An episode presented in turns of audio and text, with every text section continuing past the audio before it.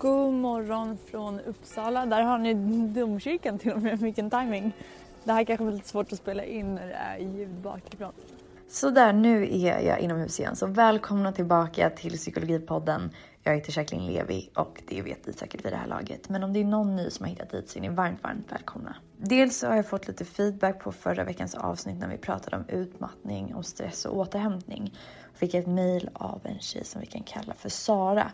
Och hon skrev att hon blev lite ledsen och uppgiven av att lyssna på avsnittet därför att det hade varit underbart om det var så att man kunde få den vården och det bemötandet som vi beskrev och pratade om i det här avsnittet. Men Sara beskriver då hur hon själv har behövt projektleda vården och det är såklart otroligt olyckligt när det blir så. Jag tänker att det faktiskt borde bli ett helt avsnitt som handlar om när vården inte alls är så som man hade hoppats på eller så som man skulle vilja att den var eller faktiskt så som den är åtänkt att vara. Så jag hoppas att det är okej att vi återkommer till det i ett senare avsnitt Sara. Idag så är jag som sagt i Uppsala. Jag är här för att träffa Katja Lindet Bergsten.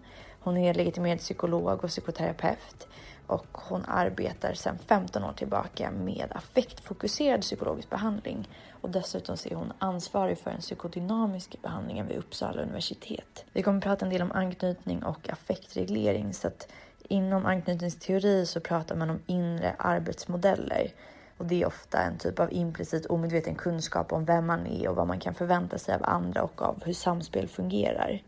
Och sen så pratar man då också om affektreglering och det handlar om olika strategier som man har då för antingen minska, vidmakthålla, alltså fortsätta ha eller öka en eller flera aspekter av affekten, alltså av känslan.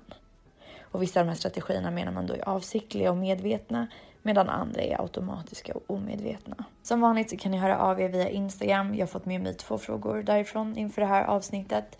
Det ena är mer övergripande och handlade om en kvinna som undrade om emotionell otillgänglighet.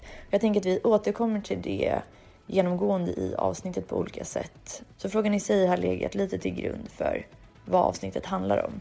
Och sen så har vi också en lyssnarfråga om en tjej som hade en relationsupplevelse som hon undrade lite kring. Den kommer i slutet. Jag hoppas att ni ska tycka det här avsnittet är lika spännande som jag. Katja var helt fantastisk att träffa och jag hoppas att jag får träffa henne igen. Så om vi bara stannar där vid psykodynamisk terapiinriktning. Vad menar man när man säger så? Det beror som på vem du frågar. Men det finns ju en mängd olika terapiskolor. Just i Uppsala har man uppehållit sig vid två. Och psykodynamisk är den ena. Mm, tradition bak till psykoanalys, men modern version. Som jobbar mycket med inre konflikter, omedvetna processer, mycket känslor. Mm. Mycket känslor? Mycket känslor. Bra, för det är det vi ska snacka om idag. Mm. Hur kommer det sig att man fokuserar mycket på känslor? Därför att det har visat sig att fokusera på känslor är en framgångsfaktor i psykoterapi. Oavsett terapiform. Och att de flesta av oss lägger märke till om dagarna att känslor spelar en väldigt stor roll i vårt liv. Mm. Så vad är känslor för någonting? Ja, det beror lite grann på om man är så här petnoga hur man definierar. Men det vi oftast menar med känslor, det är något otroligt medfött, fundamentalt, elementärt för oss människor. Eh, en slags informationssignaler, evolutionärt nedärvda, för att berätta för mig vad är viktigt för mig, vad behöver jag just nu, vad är det som händer? En del beskriver det som att känslor är bron mellan inre och yttre verklighet. Att det är genom mina känsloupplevelser som jag får kontakt med den yttre verkligheten. Mm. Så det är fullständigt nödvändiga behovssignaler som hjälper oss att navigera i vardagen så att vi kan se om våra behov på bästa sätt. Vad finns det för medfödda känslor?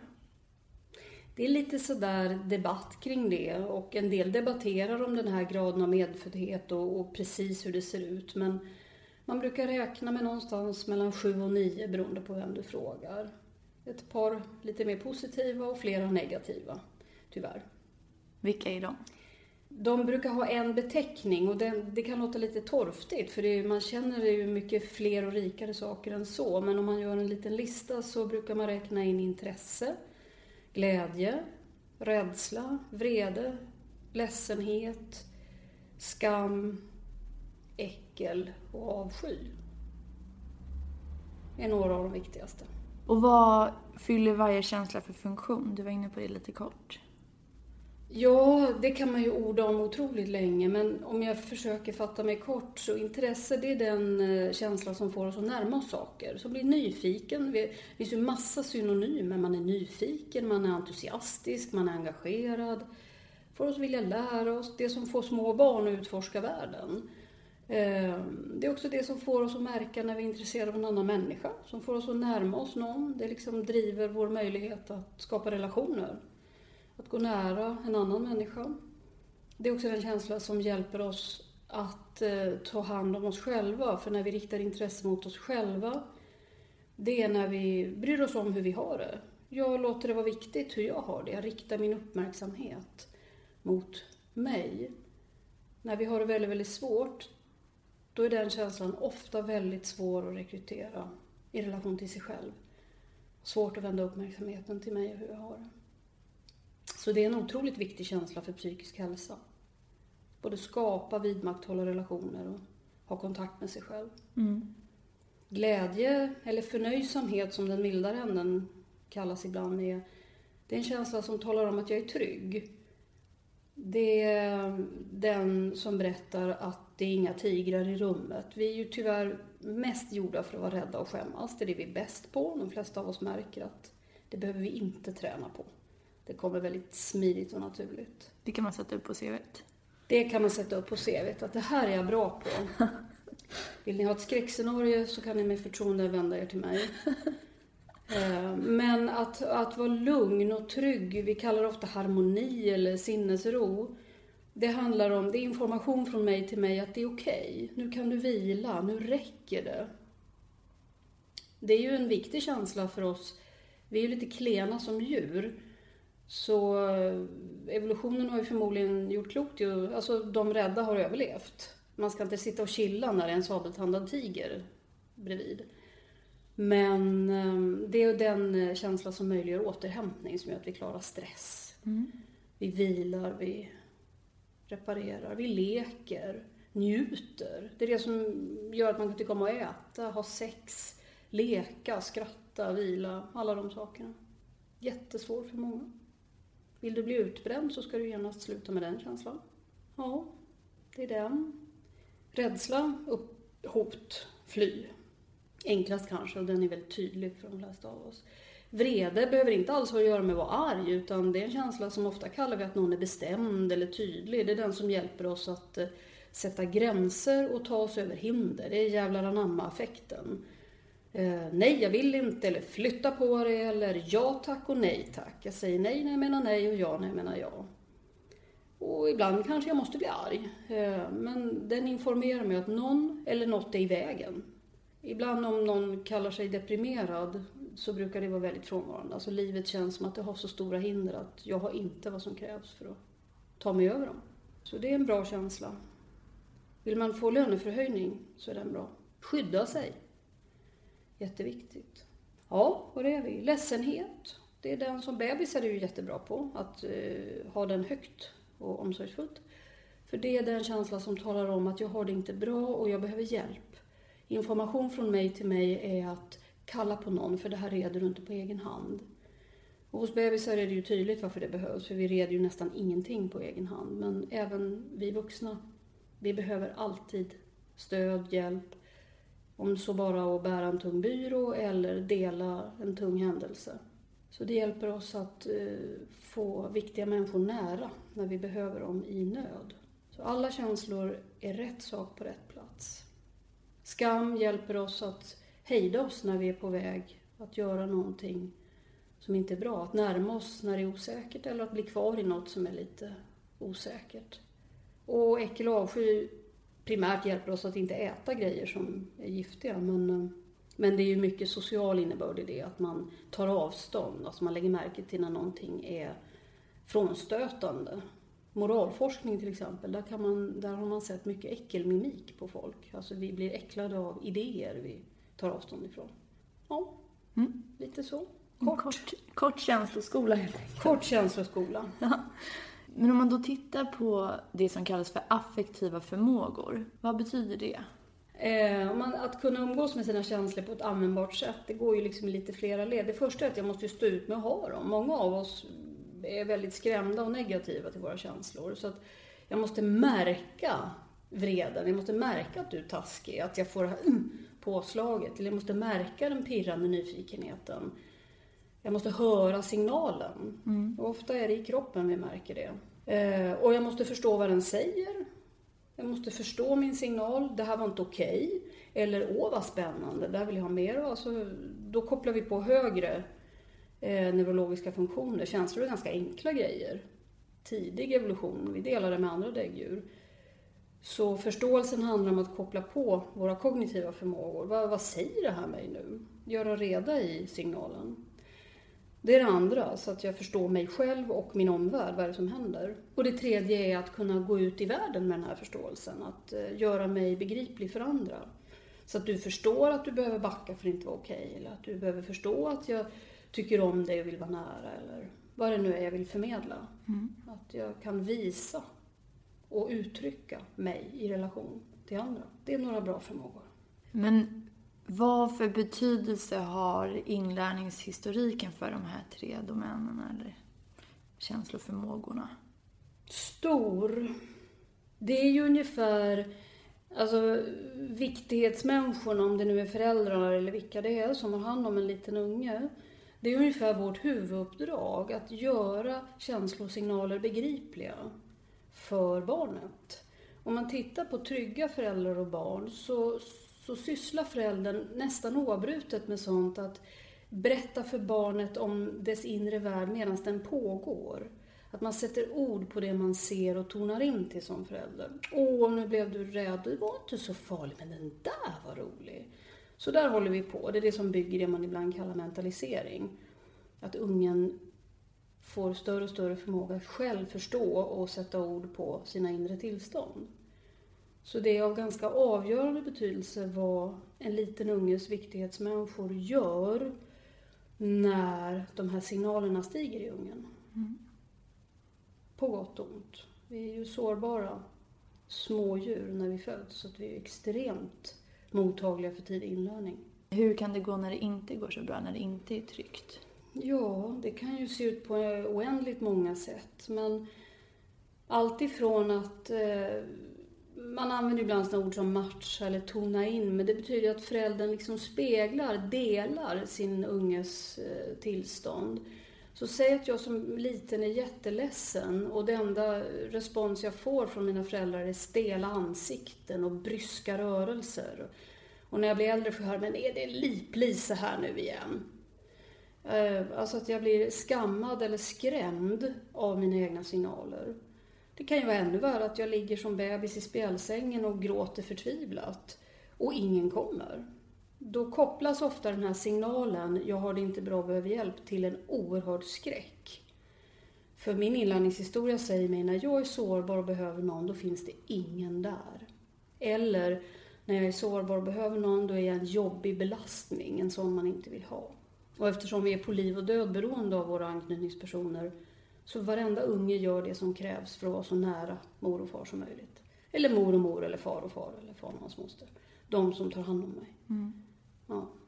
Så vad kan det här få för konsekvenser när man blir lite äldre?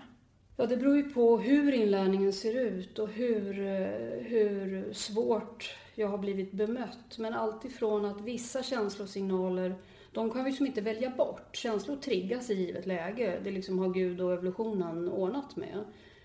Ehm, så det kan ju vara allt ifrån att jag, jag känner att jag blir arg eller ledsen, men det väcker ångest. Jag, får, jag har mycket ångest, för jag blir rädd.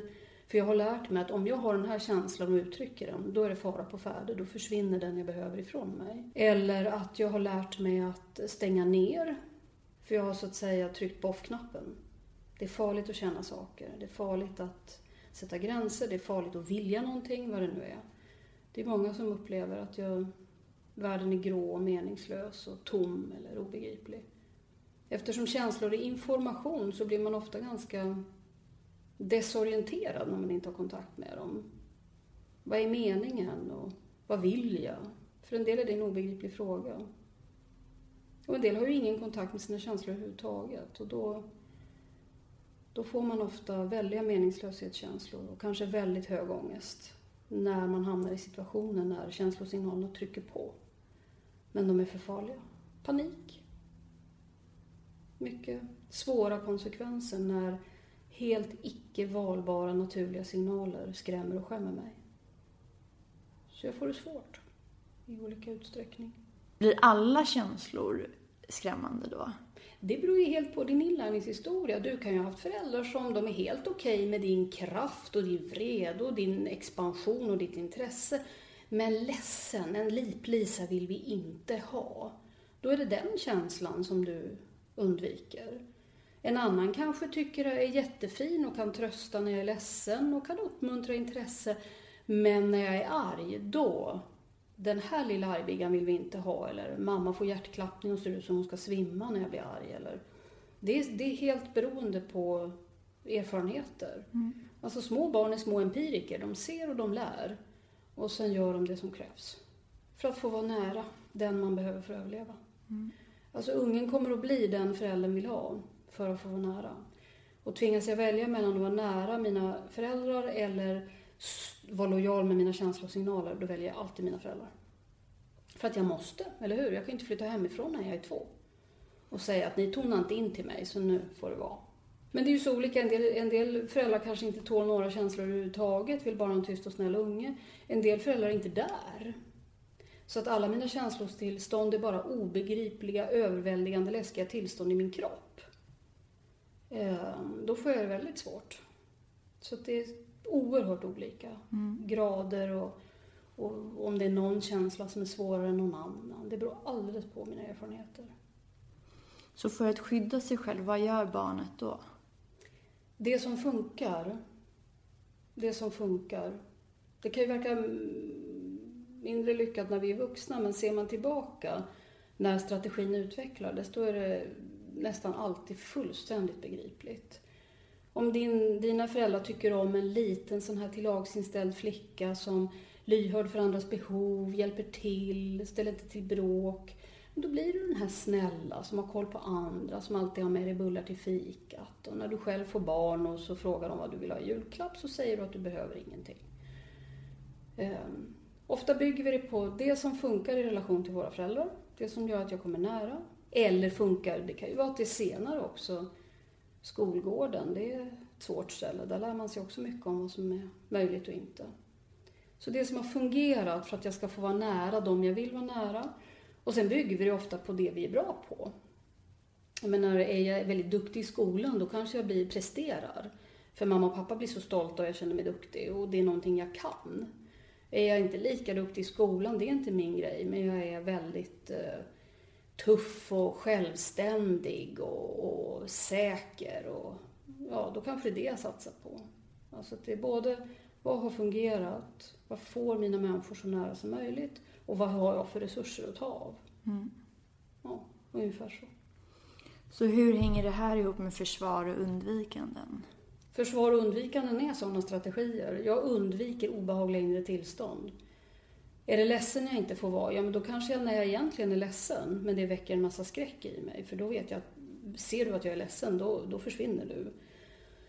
Då kanske jag tvärtom blir extra tuff och lite butter och tvär istället. Ehm, det är mitt skydd. Jag undviker den skräckfyllda förnimmelsen av att vara sårbar och behövande. Så försvar och undvikande, det är samma sak. Är det här medvetna strategier? Det är väldigt olika i vår bransch, om man är psykolog, då kan man ju vara plågsamt medveten om alla saker man gör som inte blir bra för en. Det är inte säkert att det hjälper en att sluta med det. Men för många är det ju så liksom automatiserat. Jag har gjort så hela mitt liv.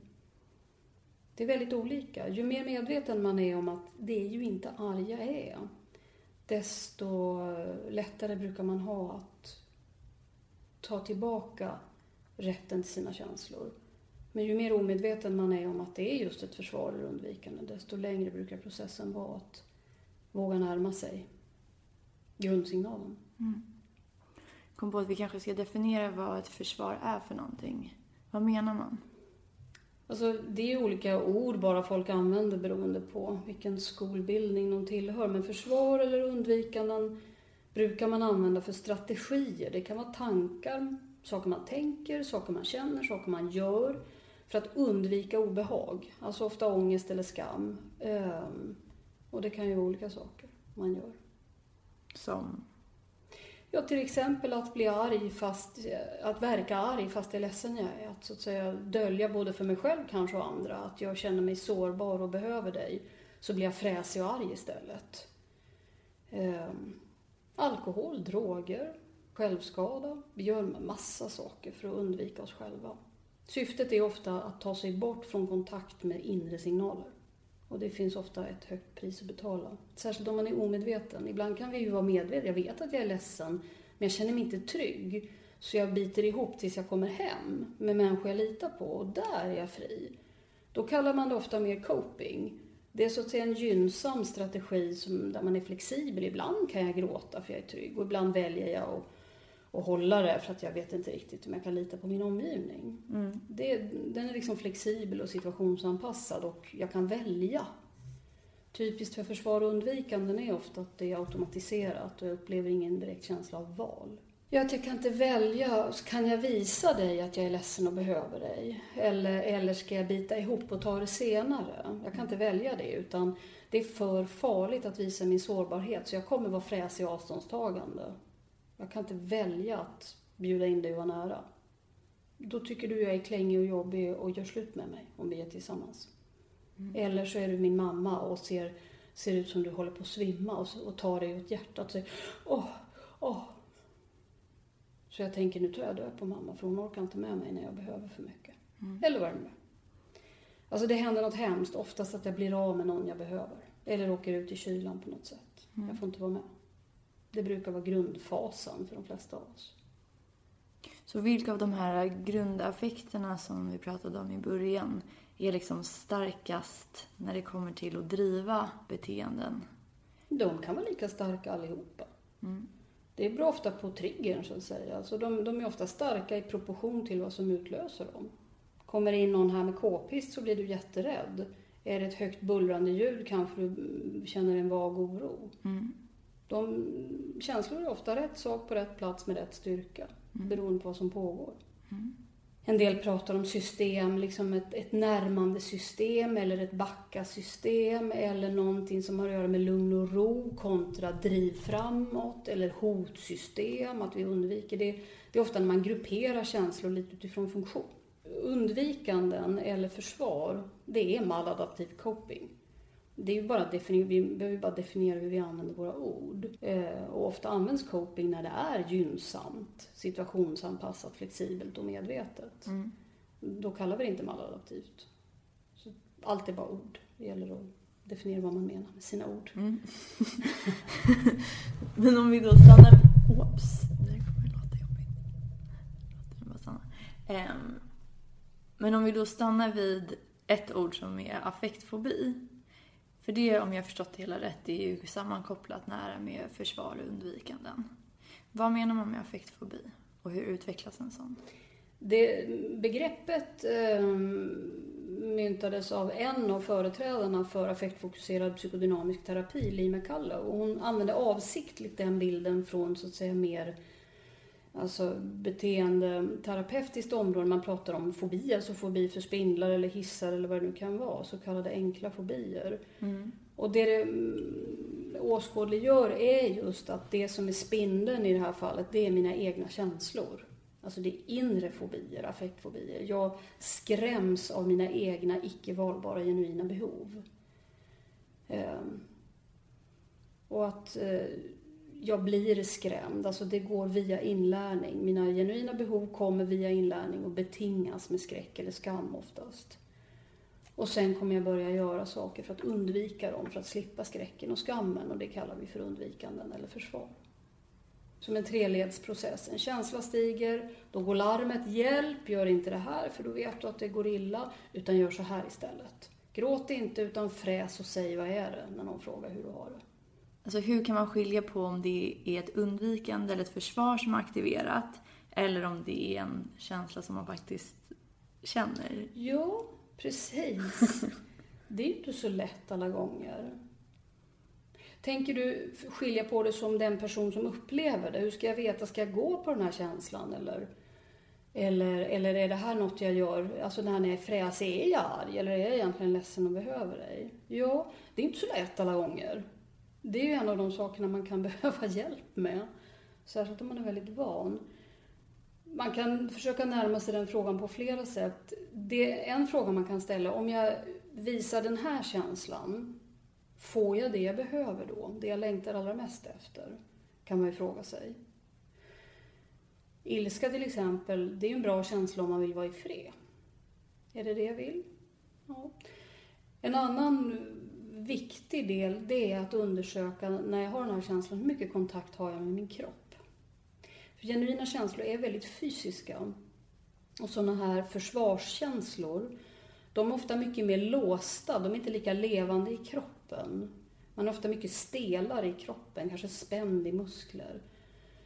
Så om man försöker mjukna i kroppen och känna liksom inte musklerna kanske, utan längre in, mage, hjärta, lungor, strupe där inne. Säger den delen av mig också arg? Eller säger den ledsen? Eller säger, vad säger den? Det kan också vara en ganska stark fingervisning om, är det det här jag känner? Eller är det här ett skydd, till exempel? Sånt kan man fråga sig själv. Hur starka skulle du säga att de här skydden eller försvaren är? De står ofta i direkt proportion till hur stark skammen eller skräcken är. Ju räddare jag är, desto kraftfullare försvar behöver jag ju. Och kanske också i direkt proportion till hur stark grundkänslan är. Om jag är förtvivlad. Och det trycker ju på väldigt mycket. Då blir jag ju vettskrämd. Jag kanske får en panikattack. Och då måste jag ju skydda mig extremt mycket för att ta mig bort från det här. Kanske dissocierar, för jag kan inte vara i kontakt med mig själv överhuvudtaget. Så det är ofta i proportion till triggande grundaffekt och hur mycket skräck och skam den väcker. Det är väldigt logiskt ofta. Mm. Det låter som att det kan vara svårt att vara närvarande och autentisk på något sätt om man har alla de här försvaren. Verkligen.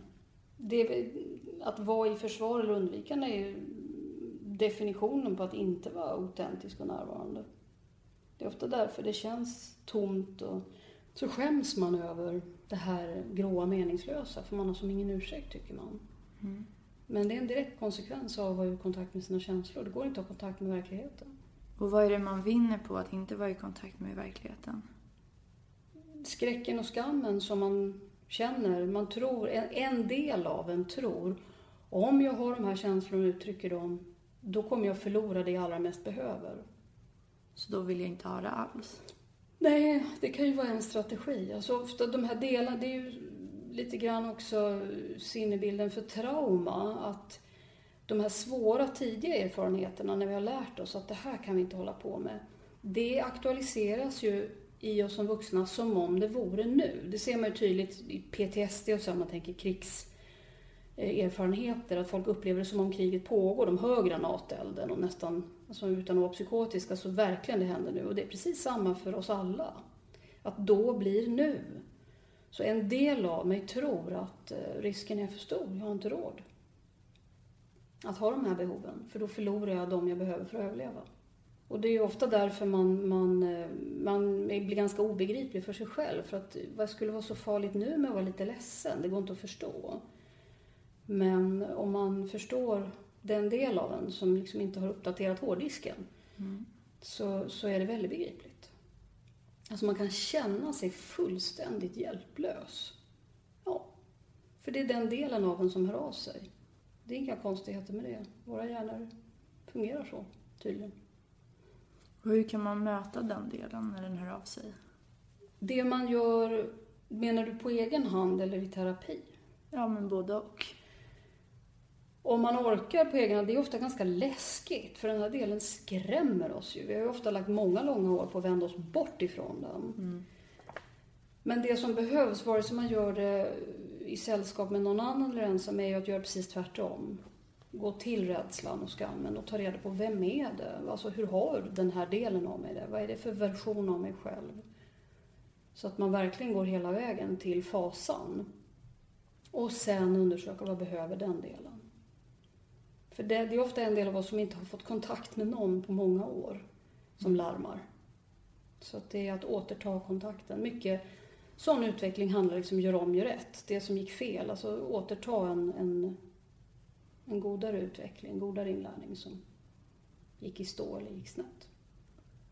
Men kan det vara svårt att acceptera att man har vissa behov som man då har trott eller så, eller eh, betett sig som att man inte har?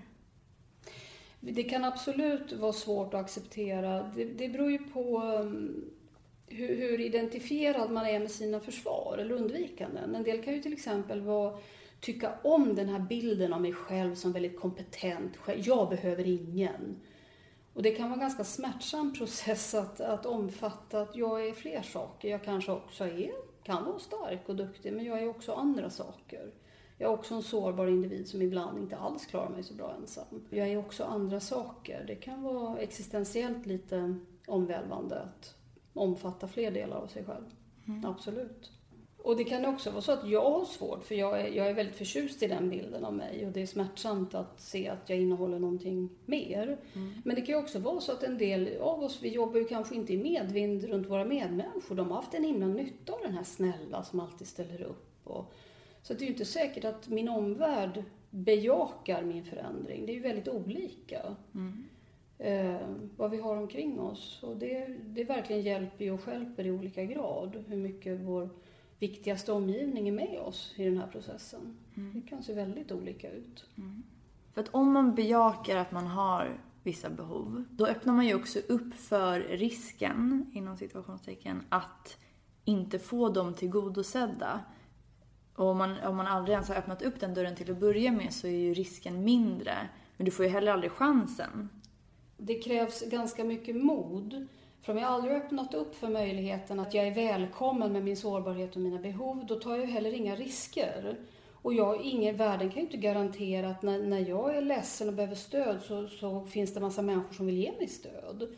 Därför brukar det absolut viktigaste att börja med, det är en persons egen relation till sina behov. För det som ställer till det mest för oss, det är när vi själva är väldigt fientliga till våra behov. Så visst, det kan ju vara att jag sträcker ut en hand efter stöd och ingen tar den och det gör jätteont, men det gör det för oss alla. Men det som blir outhärdligt, det är om jag själv föraktar de här behoven. Om jag själv överger mig och tycker att jag är en klängig mes, då blir det outhärdligt. Men om jag är lojal och säger jag förstår mig själv, då blir jag ju ledsen om min omgivning inte möter upp. Men jag står ut. Men om jag själv är den första att skrämma upp mig med katastrofidéer eller skämma mig och förakta mig, då blir det outhärdligt. För oss själva har vi ju sällskap med hela tiden. Så att eh, prio ett brukar vara att liksom ha parterapi med dig och dig. Alltså vad har du för relation till dina behov? Mm. För det är det avgörande. Men om vi själva inte respekterar dem, då blir det väldigt mörkt. Jag skulle säga lite förenklat att den relation vi själva får till våra känslor bygger helt på hur våra känslor har blivit mötta av våra överlevnadsmänniskor.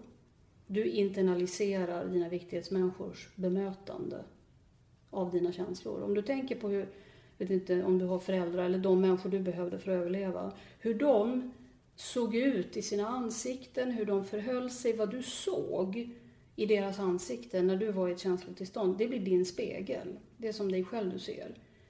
Ser du mammas föraktfulla min när du gråter, ja då kommer du ha ett självförakt över din sårbarhet till exempel. Om jag uttrycker mig lite förenklat. Mm.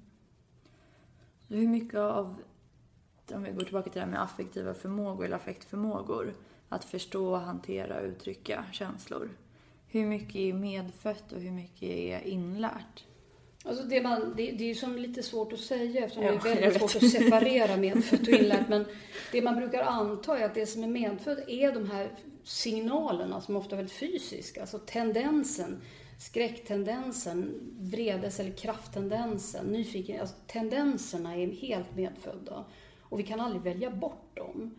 Eh, sen hur vi upplever dem och förnimmer dem inom oss, vad vi tänker om dem och ännu mer hur vi väljer att uttrycka dem i världen det är alltihopa socialt inlärt. Vi är väldigt olika kulturellt till exempel. Men det finns ingenting som tyder på att det är något medfött i det, utan det är social inlärning. Och jag menar, allt du lär dig i det här ögonblick för ögonblick samspelet med din överlevnadsmänniska, det är ju social inlärning. Mm. Så det medfödda är liksom de här informationssignalerna som hör av sig. Men hur du kommer att förstå dem, förhålla dig till dem och uttrycka dem, det är inlärt. Känner människor lika mycket, bara att de uttrycker det på olika sätt? Eller finns det forskning som visar på att man känner i olika intensiteter? Ja, mycket av det man kallar temperamentsforskning verkar ju delvis handla om det här att alla har alla känslor men vi kanske är medfött olika, just som du säger, i hur intensivt vi upplever dem. Och också kanske att vi är lite olika. En del av oss är medfött liksom lite skickligare på att bli rädda. Det behövs mindre för att skrämma oss. Andra av oss är medfött lite mer tåliga, har närmare kanske till positiva affekter och behöver mer för att bli skrämda. Men som det mesta så är det normalfördelat, de flesta av oss ligger på mitten. Men att temperament handlar rätt mycket om det, hur reaktiva vi är och hur starkt vi upplever saker. En del är lite mm, lojare, liksom, lite mer jämna kanske. Men det betyder inte att de inte har alla känslor. En del kommer ju absolut med, med det bekymret, just att det känns avstängt, lite meningslöst, liksom som att inget spelar någon roll. Man kan vara lite så här eh, guppande dystym, alltså att det, ingenting spelar någon roll. Att jag känner, man känner just hur off-knappen har gått in och det är tomt. Eh, men om det är för lite, det är ju det är upp till var och en att avgöra hur mycket man vill känna. Eh, men det är ju ett vanligt bekymmer när folk känner att de känner sig inte levande. Det är ju det är ett vanligt klagomål, alltså att eh, känner mig inte levande, känner mig inte verklig, känner mig inte i kontakt. Inget spelar någon roll. Alltså om någon kommer till mig med det bekymret, då, då, är ju liksom, då har ju jag fått det uppdraget. Jag har ju fått mandat att, att undersöka vad, vad är hindret för att vara mer i kontakt med känslor. Eh, och då är det ju det vi gör. Och då är det, där kommer ju fobianalogin också bra in. Att det är, vi, vi närmar oss stegvis. Vi småpratar om att det finns spindlar och sen tittar vi på, på bilder på dem och sen åker vi i bästa fall alldeles innan terapin är slut till Skansen och klappar den största och hårigaste av dem. Vilket då betyder att då upplever jag, förstår och kan agera på min känsla utan att bli för rädd eller skamsen över den. Så det är ett stegvis närmande som ser olika ut för olika personer. Men det första kan ju vara att förstå vad är det viktigaste med att låta bli att känna. Så att man blir begriplig för sig själv. För det är ju ingen slump. Alltså någon del av mig tror att det här är det bästa jag kan göra. Vad har den att säga? Vad är det värsta som kan hända om jag skulle känna någonting? Det finns många sätt att närma sig det på. Beroende på vem man sitter med och hur de uttrycker sig kring sin verklighet. Men hur gör man för att inte känna? Och det finns massa bra trick för det. Du kan ju till exempel droga eller dricka sådär. Du kan skära dig om du är lite drastisk. Du kan distrahera dig, vara oerhört aktiv hela tiden. En del av sådana försvar är väldigt samhällsanpassade. Du gör en glimrande karriär och renoverar huset och sportar och, och skaffar barn. Och, alltså att vara frenetiskt aktiv kan man göra. Titta på tv-serier oavbrutet. Äta. Jag kan hålla på hur länge som helst. Vi är oändligt kreativa och hittar på sätt att undvika känslor. Sen är det ofta väldigt fysiskt undvikande. Jag spänner kroppen. Ibland är det ju syrligt, men det kan vara att det är subtila, små, kroniska spänningar. Jag andas ganska lite. Jag har väldigt stel mimik, ett bra sätt. Jag ler vänligt hela tiden. Eller ser lite sträng och sammanbiten ut hela tiden också. Jättebra sätt. Så fort man börjar liksom försöka röra på någons kropp så brukar känslor stiga. Mm. Så det finns... Ja, jag kan hålla på flera timmar och ge tips på hur man kan undvika sina känslor. För det är ungefär det vi är bäst på. Det är det vi ska tipsa om idag. Ja, just det. Lilla tipslådan, slipp känna. Ja. Men när man väl då börjar komma i kontakt med känslorna, vad brukar hända då? Ångesten stiger, eller självföraktet stiger. Det beror på hur farliga de är för dig. Ibland blir det bara obehagligt, att det känns, alltså larmet tjuter, fara, fara. Ibland är det ju ambivalent ofta, det är förknippat med lust. Att det är något härligt att komma i kontakt med det här, att upplevelsen av att vara verklig stiger. Att, eh, men det är ofta förknippat med obehag såklart. Eftersom en del av mig säger pass på, pass på, det här är farliga saker. Så hur gör man för att fortsätta även när den säger pass på, pass på? Det beror på hur starkt pass på, pass på är. Tar det över, alltså du får procent ungefär. Är det mer än 50 procent av känslan, grundkänslan, då, då, då försöker vi bara öka utrymmet för den. Är det här pass på-varningen, alltså ångest ofta, eller, eller så här krympande skam, då är det den vi håller sällskap med. Hur menar du håller sällskap? Då går vi dit. Du, det här blev jätteläskigt. Berätta, vad är det farligaste? Hur har du? Vad är det värsta som kan hända? Den del av dig som är rädd, vad, vad berättar den för oss? Vad är faran? Vad kan hända? Har du någon minne av att bli så här rädd? Känner du igen det här? Vad det nu än är, dåtid, nutid, vad det än är. Vi hälsar på den del som blir så här rädd och ser vad den behöver för att lita på att det är säkert. Då har vi den känslan, för det är också en känsla. Mm som behöver få säga sitt. Ångest är ingen sjukdom. Det är en inlärd larmsignal som behöver respekteras. Mm. Möjligen kan vi avinstallera larmet men det brukar vara extremt gynnsamt att bli begriplig för sig själv. Ångest har ju som ord någon sån lite otäck obegriplighet. Mm. Jag blir rädd. Kierkegaards definition på ångest, det är som om det vore en tiger i rummet men det är ingen tiger här. Det är ju läskigare än om det är en tiger, för då är det väldigt uppenbart varför jag är rädd. Det är det här otäcka, lite mardrömslika. Så att bli begriplig för sig själv, är klart jag blir rädd. När det är det här jag har lärt mig. Bara det brukar minska skam och rädsla. Och öka medkänsla och respekt för den version av mig som var tvungen att ta avstånd från mina känslor. Det är en sån här liten vanföreställning om psykodynamisk terapi. Jaha, ska vi gräva i barndomen nu? Det behöver vi inte göra.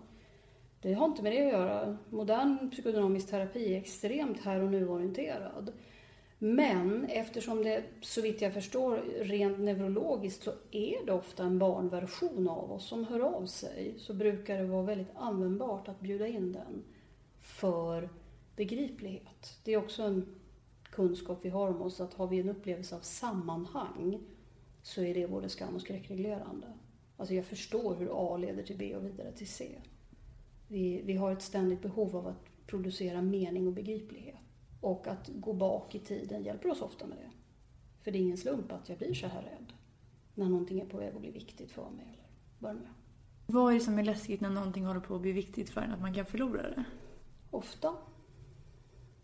Det beror på din inlärningshistoria, men till exempel kan det ju vara att du kan förlora det eller om det är till exempel att våga stanna upp i att något är bra. Det är många av oss som är extremt svårt. Man kan lita på det här, att det är bra. Man kan ju säga att det här vår rädsla för när något är bra, det, det, det gör ofta att vi, vi hamnar i att syssla med liksom självsabotage. Att när en relation är på väg att kännas riktigt god, jag börjar känna mig trygg, jag börjar känna mig viktig och värdefull då tjuter larmet jättehögt. Gå inte in i det här. Vi saboterar för oss själva hela tiden enligt principen inget satsat, inget förlorat. Det är inte alls ovanligt. Att precis när jag har något att vinna, det är då jag backar ur, för då har jag också något att förlora. Jag skulle vilja ha fler avsnitt om bara djupdyka i liksom varje av de här känslorna. Ja, de förtjänar ett avsnitt var. Alla har sitt att säga. Ja, jag var bra, då kommer jag tillbaka varje dag nästa vecka. Du bara nej, nej, nej. Tack så otroligt mycket för att du ville vara med. Tack själv. Hedrande att bli inbjuden till en fin podd. Tack snälla. Hej då. Hej då.